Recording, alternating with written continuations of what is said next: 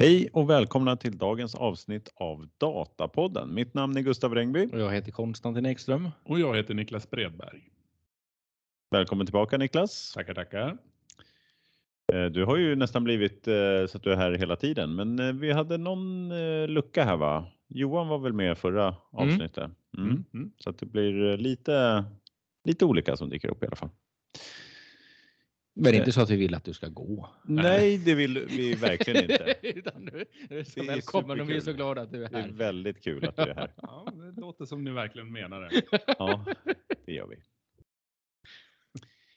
Eh, och eh, kul att du som lyssnare är här och vill höra eh, tre artiklar idag också. Och det har vi faktiskt. Och vi kör igång på en gång. Vi. Och vi tänkte så här att Niklas börjar. Ja, då gör jag det. Eh, jag har en eh, pressrelease kan man väl säga idag och den kommer från Click. Eh, och då är rubriken så här. Click intends to acquire talent, delivering comprehensive data integration to accelerate cloud modernization. Vilket då kort på svenska betyder Click avser att köpa talent. Kan man väl säga då. Och det här är ju eh, två bolag som båda ägs av private equity-bolaget Toma Bravo. Heter de. Eh, så de slår väl ihop ett par påsar till en lite större påse då, inom vårt område. Eh, och då skriver de då bland annat att de nu kan tillhandahålla ett kompletterande erbjudande inom real time data and application integration, data governance, data quality, transformation, analytics, artificial intelligence and machine learning. Eh, och de passar på och berättar hur bra de är också då. Och de säger ju att båda är positionerade som leaders i eh, Gartners Magic Quadrant. Eh, Talend hör ju då hemma i Data Integration Tools eh, och Click i Analytics and BI Platforms. Så de är ju i olika kvadranter då. Och Click har varit leader i 12 år då, i den kvadranten. Och det betyder egentligen att man ligger högst upp i högra hörnet Eh, på den här eh, kvadranten då. Eh, där axlarna är tror jag completeness of vision och ability to execute. Alltså att man är hyfsat liksom visionär och ligger framkant på det sättet men också att man kan faktiskt leverera dem. Sen att man ligger i det där eh, högra hörnet, det betyder ju inte att man är bäst utan det är flera som ligger i det där högra hörnet. Och de här två ligger någonstans trea, fyra i sina respektive kvadranter kan man säga. Eh, I, eh, i Analytics och BI Platform så ligger ju till exempel både Microsoft och eh, Tableau före. Och även i Data Integration finns det ett antal verktyg som ligger före då, kan man säga, Talend. De skriver då att genom att bredda deras portfölj så blir kunderna mer produktiva och kan hantera organisatoriska utmaningar inom data och på så sätt skapa mer värde i komplexa kundmiljöer. Eh, jag gör en liten tolkning av det där, eh, i alla fall eh, att man har organisatoriska utmaningar och sådär, att de kan hantera dem bättre nu. Att, att jag tänker att Klick var eh, väldigt verksamhetsorienterat, tror sålde mycket till verksamheten. Men jag tror att Tallen kanske är lite mer IT-orienterade och säljer mer till verksamheten. Eh, så att de tänker sig att de kanske genom att vara positionerad på det här sättet kan överbrygga eventuella problem där. Eh, ja, det är väl ganska kort eh, pressrelease helt enkelt då, men som går ut på det här. Ja, spännande. Det är ju verkligen, det är ju som, det är ändå två kända bolag får man säga. Mm. Båda har väl lyckats relativt bra i sin, sitt område. Precis. Klick är ju ett gammalt svenskt företag. Mm. Grundades 93. Lund tror jag det var. Mm. Men numera som sagt ägs av ett amerikanskt private equity-bolag och har huvudkontor i USA också. Mm. Jag tror Klick har nog eh, fler dock stött på i alla fall. Det stöter man på lite här och var ute hos kunder och sådär. Tallen är lite ovanligare i alla fall som jag har sett själv i alla fall. Mm. Någon gång har jag stött på någon kund mm. som har kört Talend eller som har velat köra det i alla fall. Men Talend är mindre än Klick? Ja, de har färre kunder och så, absolut. Mm. Ja, de hade i pressreleasen va, så stod det ett par siffror kring eh, antalet kunder också. Visst var det så? Ja, var vi ska se om det, jag hittar det. Klick hade, var det 38 000? Ja, 38 000 kunder i 100 länder och Talend har lite drygt 7 000 kunder. Mm. Det är kul att veta om det fanns något överlapp där bland de kunderna. Ja, det kan man fråga sig. Mm. Eh, man, kan ju, man kan ju undra vad de liksom vill göra med den här kombinationen då. Eh, man, Mm. De sa ju att de skulle överbrygga den här organisatoriska komplexiteterna där. Det kan ju liksom bara innebära att de vill göra cross-sales på befintliga kunder och sådär också. Mm. Behöver ju inte innebära liksom någon, nödvändigtvis en teknisk integration eller så. Nej, det. Utan se en affärsmöjlighet. Mm. Vi hörde väl nyligen här, Tableau eh, skar ju ner lite grann. Det var väl mycket på säljsidan har jag för mig. Eh, Mm. Som de skulle skära ner på. Det kanske är någonting de tänker här också att de ska då kunna dra ner lite grann på säljet om Ja. man lägger båda i samma. Kan så kan det absolut vara. Kanske, och där har vi ju i dagarna har vi kommit ut lite sådär att Microsoft också skär lite grann och Amazon också. Mm. Det kanske ligger i, eh, i den här eh, man downsizar nu inför 2023 lite Mm. grann. Ja, Fast jag vet inte om man kan kalla Amazons downsiza. Det är väldigt mycket folk. Det var väl 10, 10 eller var det 20 000 som skulle gå. Men- det var en men- liten, liten tuning Ja, men då- kanske. Ja, ja men totala personalstyrkan är på en och en halv miljon människor. Ja, mm. Så att det, ja. Fortfarande en mycket. salt. Ja, ja, många människor, men det är så extremt stora bolag så att det blir inte Mm. eh, världsomvälvande liksom i Mm. bolagsstyrningen. Ja, just eftersom det är samma ägare också så kan man ju misstänka att det kan vara en effektiviserings... eh, Precis, för då finns det inte lika samma skäl att eh, då är det inte ena som köper upp den andra. Nej. Vi ser Klick köpte, de har väl den här Replicate också i sin eh, det var väl, det är väl någon liknande ändå funktion att man ska flytta data. Ja, alltså de har ju köpt bolag tidigare Mm. eh, och, och Attunity också. Som, Mm, den blev, jag tror den blev Replicate i deras, Aha, i Ah, Så det är deras det. eh, Mm. liksom, eh, egna namn på den då. Ja, men eller hur. Det, de borde ju ha varit konkurrerande med Talent om de Mm. hade funnits samtidigt. Så att säga. Mm. Och eh, ja, det blir spännande att se var det landar. Som sagt, det kan vara rent marknadsmässigt köp eller så Mm. ska det integreras på något sätt. Ja, spännande. Får vi se om det går igenom dem. Mm, precis, det, det ska ju igenom ett antal instanser då. Mm. Och, eh, planen är ju att det här ska vara klart innan eh, halvårsskiftet i alla Mm. fall. Det stod inget om några prisnivåer va? Nej. Nej. Eftersom det är samma ägare så har de väl kanske bara flyttat lite pengar mellan olika konton där. Ska vi gå vidare till nästa Ja, artikel? mm. Jag var tvungen att kolla upp här. Jag hade råkat missa att skriva upp vad han författaren hette. Till nästa då. Det, nästa artikel är från LinkedIn Pulse och det är av Bernard Marr. Eller Bernard Marr kanske han kallar sig på engelska. Men det Feel blir the burn. Och eh, rubriken är The top five in-demand tech skills for jobs in 2023. Så det blir ytterligare en sån här lite trendspaning då. Bernard får, får också chansen här att vara med på den. Trots att vi är mitt i eh, liksom, januari här redan, eller till och med i slutet då. Eh, och Bernard då, eh, han släppte den här också 18 december, så det här var ju, vi är li, lite efter här. Eh, Bernhard är en författare. Han skriver böcker om eh, data och, eh, och, och business. Så att det är väl där hans auktoritet ligger.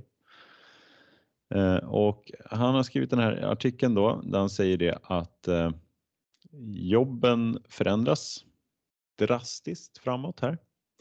Och det finns en, han refererar här till en, en, en,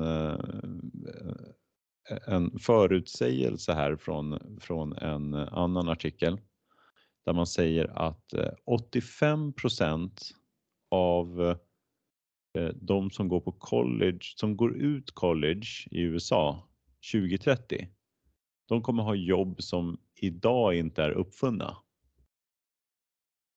Det är en hisnande tanke. Ja, det är ganska stor grupp. Mm. Mm. Eh, jag jobbar med krumelur på insättning Mm. eh, och på krumelurinsättning AB till exempel. Då. Skulle kunna vara exempel. Eh, ja, och det här då, det kommer också betyda att alla våra, liksom, våra egenskaper och vad vi kan, färdigheter, kommer förändras också. Och den stora drivaren här, säger han, är AI och automatisering. Det är de stora drivarna till den här eh, utvecklingen. Då. Och eh, maskiner tar inte bara över enklare manuella jobb utan även mer komplexa arbetsuppgifter som eh, också kräver då ett, liksom, lite mer komplexa beslutstaganden i, i aktiviteterna så att säga, processen. Så då frågar sig Bernhard, vad finns kvar för människorna nu då? Då får vi fokusera på sådant som maskinerna då inom parentes ännu inte klarar av. Och då involverar det exempelvis då strategi, kreativitet och emotionell intelligens. Eh, och givet de här förutsättningarna då, det här är ett par år framåt, men vad står på dörren då 2023? För då ser vi, det är ju lite närmare, där kanske man kan eh, lite mer våga sig på. Det är inte 85% som är oklara arbetsuppgifter där. Men då säger Bernhard här att det är topp fem här då, olika eh, färdigheter som man ska kunna. Nummer ett då, Data communicate, Communicator Storyteller. Så det ser han som en väldigt viktig egenskap. Så, eh, och här är det så att eh, det här kommer bli viktigare under 2023 Eh, och Forrester har gjort en undersökning beställd av Tableau som visar att 70% av jobben eh, under, jag tror det var 2025, kommer innebära att man arbetar direkt med data. 70% av jobben. Och då, då säger Bernhard här att det, detta innebär att det blir väldigt viktigt med personer som kan läsa, tolka och förmedla data i organisationen. Och man måste kunna beskriva var insikterna kommer ifrån, varför de är viktiga för affären och hur man bäst nyttjar de här insikterna och datat då. Eh, och eh, han ser att en sån här data storyteller då måste kunna arbeta både med skrivet, skriven kommunikation såväl som visualiseringar. De verktyg som är i fokus för den här, eh, de här färdigheterna, det är Power BI, Click och Tableau. Så klicka är med där också och tablå och Power BI. Och eh, han, han eh, gissar att de här personerna som, som kan göra det här och som kan tolka datat och, och tolka det till affärsnytta då, de kommer vara, eh, bli ännu mer värdefulla för organisationerna då än vad de är idag till och med. Så det är en utveckling vi ser. Då. Nummer två här då, Cyber Security. Eh, och här ser han att en drivare här är hybridarbetsplatserna. Så alla måste lära sig hantera säkerhet på ett bra sätt i organisationerna, men det kommer också behövas experter. Och eh, då finns det en siffra här på 10 miljoner som kommer behövas under 2023. Och det kan man jämföra med att eh, 2019 var behovet 3 miljoner. Jag tror det här är en internationell siffra. 10 miljoner som cyber security experter. Och det är liksom ganska många fler. Det är, om det är 2019 till 2023, de hinner knappt eh, gå en utbildning inom cyber security. Så Jag tror den, den borde vara internationell för 10 miljoner svenskar som jobbar med cybersecurity. Det blir i alla fall inget bra. Nej, det är inte en svensk siffra. Det kan jag säga med säkerhet. Nästa del här då, UX design. Och när allting blir mer digitaliserat så blir det oerhört viktigt. Man måste ha en massa verktyg då som man jobbar med den här digitaliserade automatiseringssfären. Då. Och det gör ju så att det blir ett väldigt stort behov av personer som är duktiga på att sätta de här eh, liksom hur man arbetar med verktyget eller med, sitt, eh, med sin maskin. Då. Och något som ökar behovet också av de här UX design eh, kunskaperna, det är också low code, no code. För det betyder att du behöver färre såna här ingenjörer och du kan fortfarande bygga en massa verktyg. Så då blir det helt plötsligt kan du gå förbi det där flaskhalsen med en massa eh, ingenjörer och så kan du bara börja bygga din, eh, ditt verktyg ändå. Den fjärde här då, digital marknadsföring. Så vi lever i, som Bernhard kallar det, för en uppmärksamhetsekonomi. Där det kostsamma här är att få sina kunders uppmärksamhet.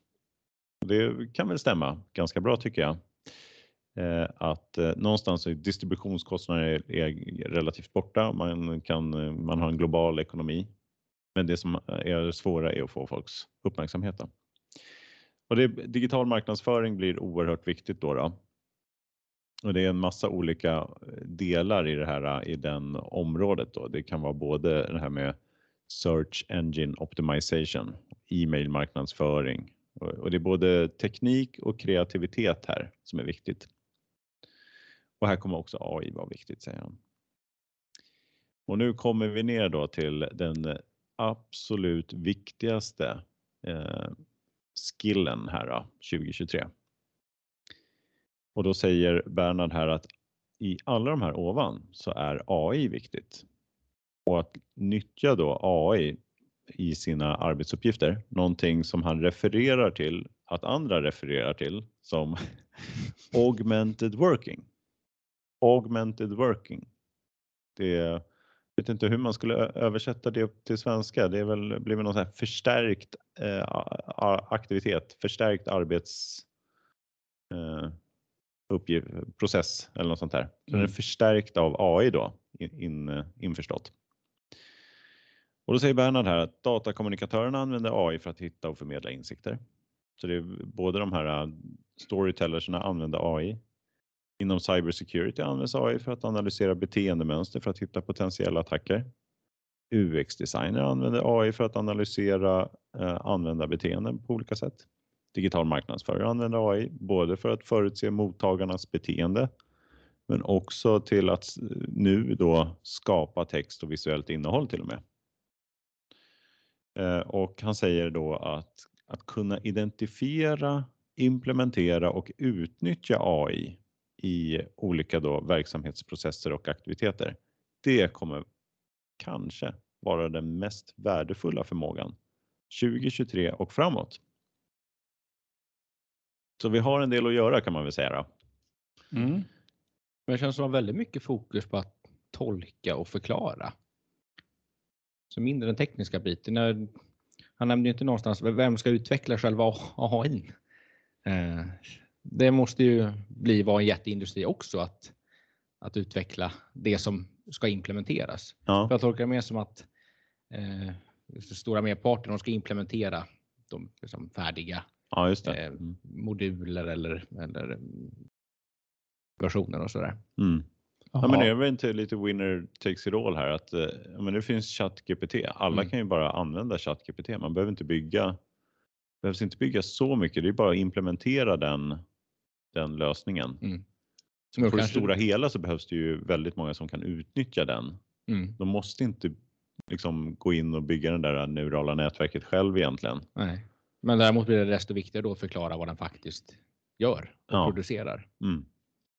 Jag tolkar det lite grann som att det är skills som skapar värde också. Det är väl oftast själva slutklämmen på det mm. hela. Ja, just liksom. Mm. jag, tror, jag tror ju liksom inte det behöver betyda att det är flest folk som måste utbilda sig till det här. Jag tror inte alla kan gå och bli data storytellers till exempel, utan det finns mm. nog mer folk som bygger upp en data storyteller mm. liksom, med mm. data och andra insikter. Liksom. Ja, eller så är det mm. ett tecken på att vi kommer till en en viss nivå när te teknik finns, tekniken finns. Utan att det handlar liksom det ett, ett större vikt på, på att förklara vad som kommer ut av den. Mm. Mm. Nu kanske Bernhard är lite, alltså han är i, står i våran bransch får man väl säga. Mm. Han jobbar ju och har skrivit mycket böcker om data, big data och en del om business också. Men, så han kanske är lite lean to åt vårat håll. Men det är ändå roligt att han skriver en generell artikel här eh, där ändå data och AI är så pass viktigt då. Eh, så det är väl ändå roligt. Verkligen. får man väl säga. Mm. Eh, storyteller tas upp som en väldigt viktig roll. Men ja, det är bara för att 70% ska använda data så känns det ju inte som det kommer vara ett behov av att 70% är dataanalytiker i organisationerna. Det blir nog för mycket. Mm. Men man kan tänka sig kanske att data, alltså lite grann som koncept, ingår i fler, i nästan alla områden. Man tänker som utbildning. Mm. Att eh, man har någon, någon koppling på något sätt i, Mm. i det. Så att det inte det, liksom, det integreras, det är inte, liksom inte främmande del utan som något annat utan det ingår som en, som en del Mm. i det hela. Men sen tror jag, ja precis, det kommer nog vara att många som använder data ser inte ens att det är data de använder utan de använder bara ett vanligt verktyg. Mm. Och det kanske, det är på, apropå den här UX-designen. För det, det måste ju vara så att eh, även om man jobbar operativt så även om då systemet tar beslut ut efter en massa data som den har samlat in eller har ifrån eh, resten av verksamheten och så vidare. Så behöver ju inte det betyda att man, eh, man alltid gör det själv så att säga. Du behöver göra den analysen för varje operativ aktivitet.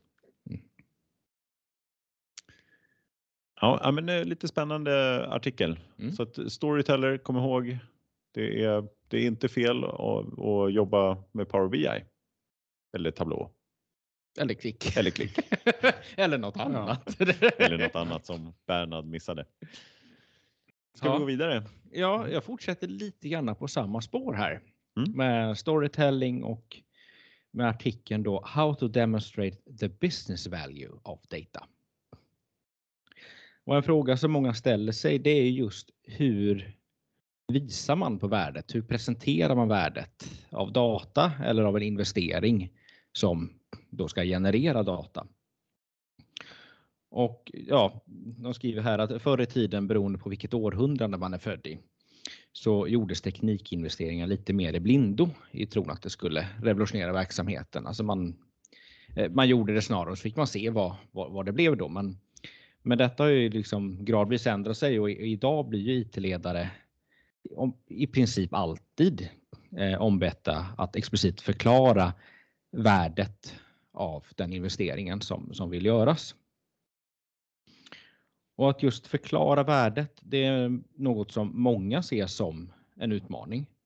Och enligt Gartners Chief Data Officer Agenda Survey som genomfördes här under 2022 så svarade bara 29% att de kunde leverera ett mätbart return of investment från investeringar i, inom dataanalys. Så värde uttrycks ofta i tekniska eller abstrakta termer som datakvalitet, snabbare tillgång till insikter etc. Och det de tar upp här då det är att risken om man inte bygger en välgrundad värdestory, nu är vi inne lite grann på storytelling igen, eh, så, så ehm, är det att de här kritiska initiativen som är viktiga inom dataanalys, eh, de ses utifrån som eh, snarare som intern support och inte som en viktig del för verksamheten. Och då är det lätt att skära ner. Ehm, och det kan ju så här, ehm, och detta är då liksom motsats till att det kan vara en förutsättning för, ehm, för tillväxt och innovation. Så därför är det absolut största vikt att IT-ledare har en metod för att just kommunicera värdet. Så för de flesta är säkert detta rena självklarheter att det behöver göras. Men, men ehm, till problemet här då, det är ju hur gör man detta? Och den här artikeln då som är skriven av en, ehm, jag tror en analytiker på, på, som jobbar på Gartner eh, berättar om en approach som heter Enterprise Value Equation. Ehm, och denna kan då också användas för att prioritera investeringar. Så man kan också få både få fram liksom någon form av värde, man får en ehm, hjälp med själva storytellingen och man kan använda den för att prioritera då själva investeringen. Och I stora drag så handlar metoden om att sätta data och analys i affärssammanhang snarare än att ta, ett, ta ut ett, ett absolut värde för ett enskilt initiativ. Så värdet av som belopp i form av vinst eller om man hellre vill ha något icke-finansiellt mätetal. Det blir snarare i affärsinitiativet där dataanalys ingår som någon form av möjliggörare. Ehm, och den här metoden består av fem steg.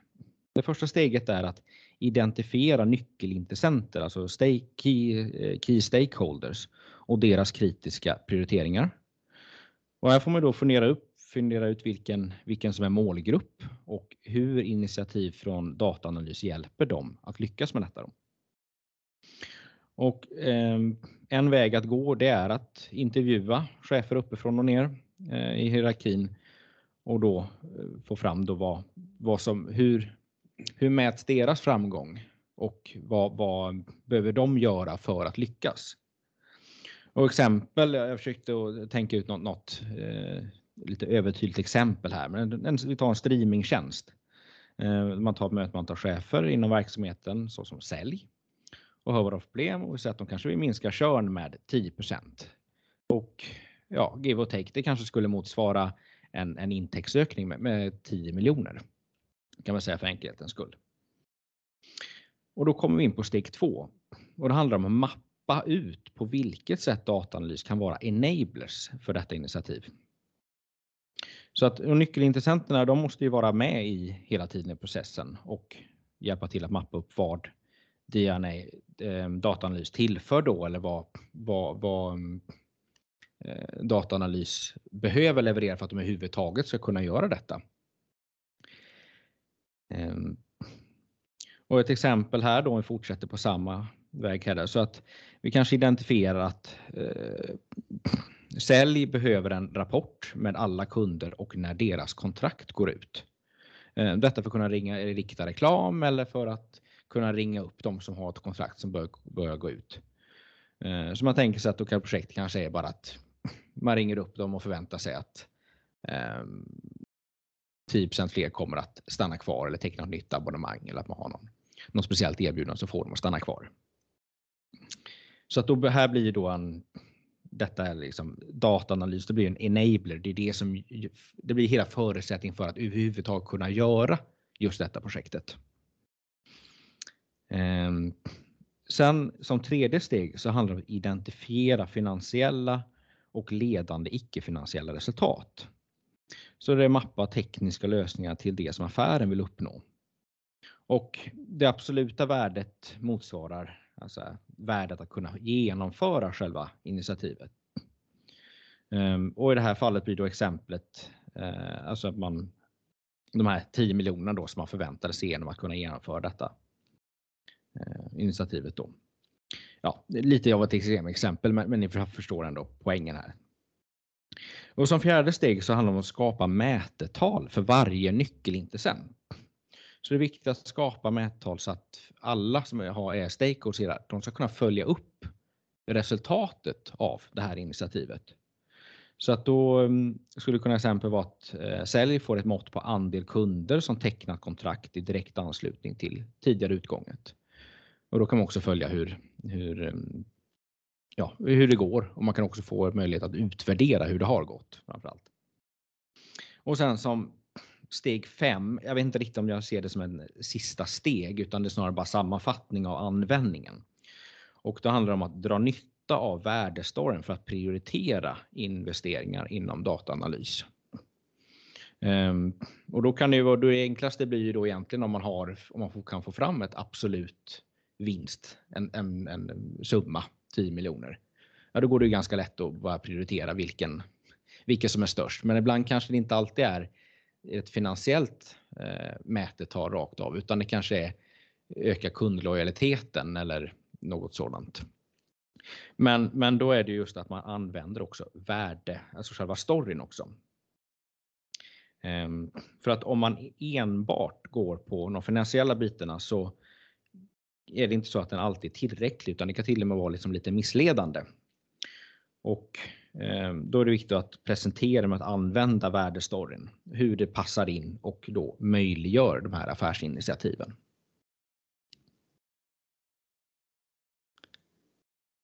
Ja. Ja, en bra genomgång där. Det är spännande eh, genomgång tycker jag. Fem steg för att egentligen ta fram en, eh, någon typ av enhetlig värdering av insatser. För det, jag antar själva idén med att det ska vara att man kör så enhetligt, det är att man ska kunna jämföra alla möjliga Mm. insatser. Får man väl misstänka då. Mm.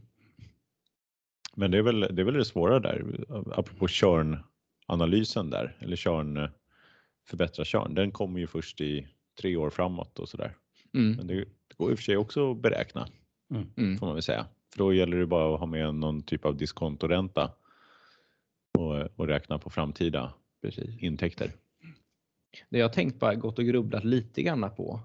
Det är de här, ibland så behöver man göra liksom lite bredare investeringar, att man alltså kanske lite mer så här relaterat till plattform, att ehm, det, det, det är svårt att härleda ehm, väldigt direkt. Man kanske Mm. ser att ja, men vi har de här tre projekten och då behöver vi kanske göra det här för att kunna göra dem senare. Ehm, men ehm, det, det kan ju bli lätt om man kör alldeles för hårt på det här bara, att man kanske glömmer bort liksom själva underhållet på något Mm. sätt. Ehm, Den här tekniska skulden som vi har pratat ja om men tidigare. precis att man, man, det blir för mycket liksom ad hoc. Mm. Vi ska bara skapa värde här och nu och så kanske Mm. man bygger upp en teknisk skuld. Att man ändå man får alltså bara ha med det lite grann i bakgrunden. För man, som, det finns liksom, man ska ju såklart eh, arbeta efter att eh, gör, ska ha värdeskapande aktiviteter. Men någonstans också i, i sammanhanget tänka på vad behöver vi göra för att detta ska kunna liksom, fortleva och att Mm. när, det, när det kommer upp ett nytt initiativ att man kanske inte måste börja om utan gör man någonting första gången så kanske man kan ta ut svängarna lite grann och tänka att ja, men det kommer nog att komma in ett sånt här eh, liknande case. Ja, men då bygger vi liksom grunden nu så blir det billigare att göra det nästa gång. Mm. Men så- Och nyckeln är väl lite grann att liksom ha någon fördelningsmodell där. Hur, bi, hur bidrar alla de här olika delarna till slutresultatet? Liksom? Mm. Det kan inte bara vara eh, data storytellern där i slutet som tar all, All ära. hela business caset för, för dataplattformen och allting. Liksom. Nej, och det är väl överhuvudtaget svårt att räkna med en analysplattform. Just det här att det, det, du drar ut, speciellt om det är self-service sen. För då, då tar man ju och bidrar till tusen beslut inom organisationen. Mm. Varav inget kanske är tillräckligt stort för att bekosta analysplattformen. Mm. Så måste man försöka förstå det. Det, Mm. det är väl det som är det. Det är väldigt svårt att räkna på den typen Mm. av, av eh, affärsnyttor. Mm. Jag tänker mig. Du Niklas har ju jobbat mycket med kundlivstidsvärden. Det är ju ett sätt att Mm. beräkna liksom, värdet på olika investeringar. Precis, och det är ju hyfsat tydligt eh, och tydliga effekter och man kan, man kan gå tillbaks till eh, liksom gamla initiativ och se vad de genererar så kan man eh, se det, eh, beräkna det framåt också. Mm. Sen jobbar vi mycket med eh, business case enligt PENG-modellen som det hette. Det kanske är lite stenåldersbegrepp det nu, men, men det använder vi i alla fall. Men, och det, då måste jag nog hålla med där om ändå att utmaningen var ju, vi såg ju våran värld och Mm. tyckte väl kanske alltid att man bidrog till, till sluteffekterna helt och hållet. Men det finns ju många intressenter som också gör det mer eller mindre tydligt och drar på kostnader till det som, som du beskriver i till exempel self-service sammanhang eller Mm. annat.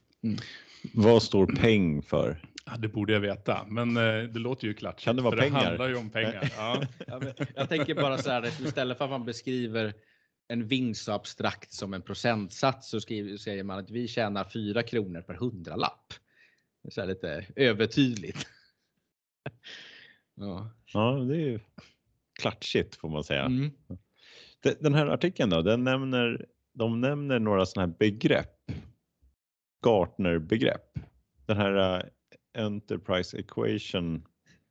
eh, nej, Enterprise eh, Value- Value e- equation. Equation var det va? Ja, alltså, som ekonom så är den lite förvirrande för jag tänker liksom market capitalization minus debt och grejer. Ja. Eh, jag googlade lite grann på det men jag förstod inte riktigt vad den hade där att göra. Ja. Eh, Nej, och sen, sen så hade de två andra modeller som de nämnde som jag också försökte googla. Du kanske Mm. såg någon mer. Roar. Stod det om. Att, ja, men, och så kan du använda RAW här för att liksom beskriva det här. Jag tror jag hoppade över den delen. Du missade den. Ja. Ja, för den, den kunde jag hitta någonting på Ja. och då är det alltså Gartners Risk Opportunity Appetite Return. Wow. Väldigt eh, lurigt, men det, det, jag hittade bara namnet. Det fanns inget mer beskrivet. För att komma åt det så var man nog tvungen att åka till deras konferens som det var lite reklam om Ja, ja, ja. också i slutet av artikeln. De Mm. ville gärna berätta mer, men inte riktigt nu. Eh, Sen, sen var det, pratade de om någonting som heter Prism. Det kunde jag inte heller hitta om det fanns någonting mer beskrivet. Det här Mm. var ju några så här verktyg då som man skulle använda i sin värdering, Mm. så jag förstod det. Man skulle Men- bara tänka sig att man helt enkelt bara viktar på sannolikheten. Mm. Okej, vi tror att vi kan minska kör med 10 Det är 10 miljoner. Det är 50-50 så att vi säger 5 och det är det liksom som är budgeten. Mm. Det, man skulle kunna göra så enkelt också. Ja, nej precis. Det, det känns som det viktiga där att ta till sig. Det är ju den här ändå. De här fem stegen är ju samma oavsett vilken då modell man använder. Mm. Men det man vill med modellmässigt så måste man få med både det som är i nutid och långsiktigt Mm. när man sen eh, beskriver det här på något sätt. Va? Mm. Mm. Jag kan också meddela vad peng står för nu, för nu har Ja, jag googlat här. Ja. Prioritera enligt nyttogrunder står det för. Ja. Spännande. Såklart, Ja. Såklart, Mm. det var ju självklart. Så det var inte pengar då utan nyttogrunder. Ja. Ja. Jag krystade nog in den eh, förkortningen lite grann där tror jag. Men det kan vara så att pengar står just för det här. Peng i pengar står för det där och sen så lägger man bara till AR. Nu vet Mm. inte jag vad det står för, men det är säkert också en förkortning. Augmented reality. Precis. Ja, och, precis. Monopolpengar. Ja, Tack så mycket för eh, att ni har lyssnat idag. Det var dagens tre artiklar. tack så mycket. Tack själva. Tack Niklas och Konstantin. Bra insats. Detsamma. Hej då! Hej då. Hej då.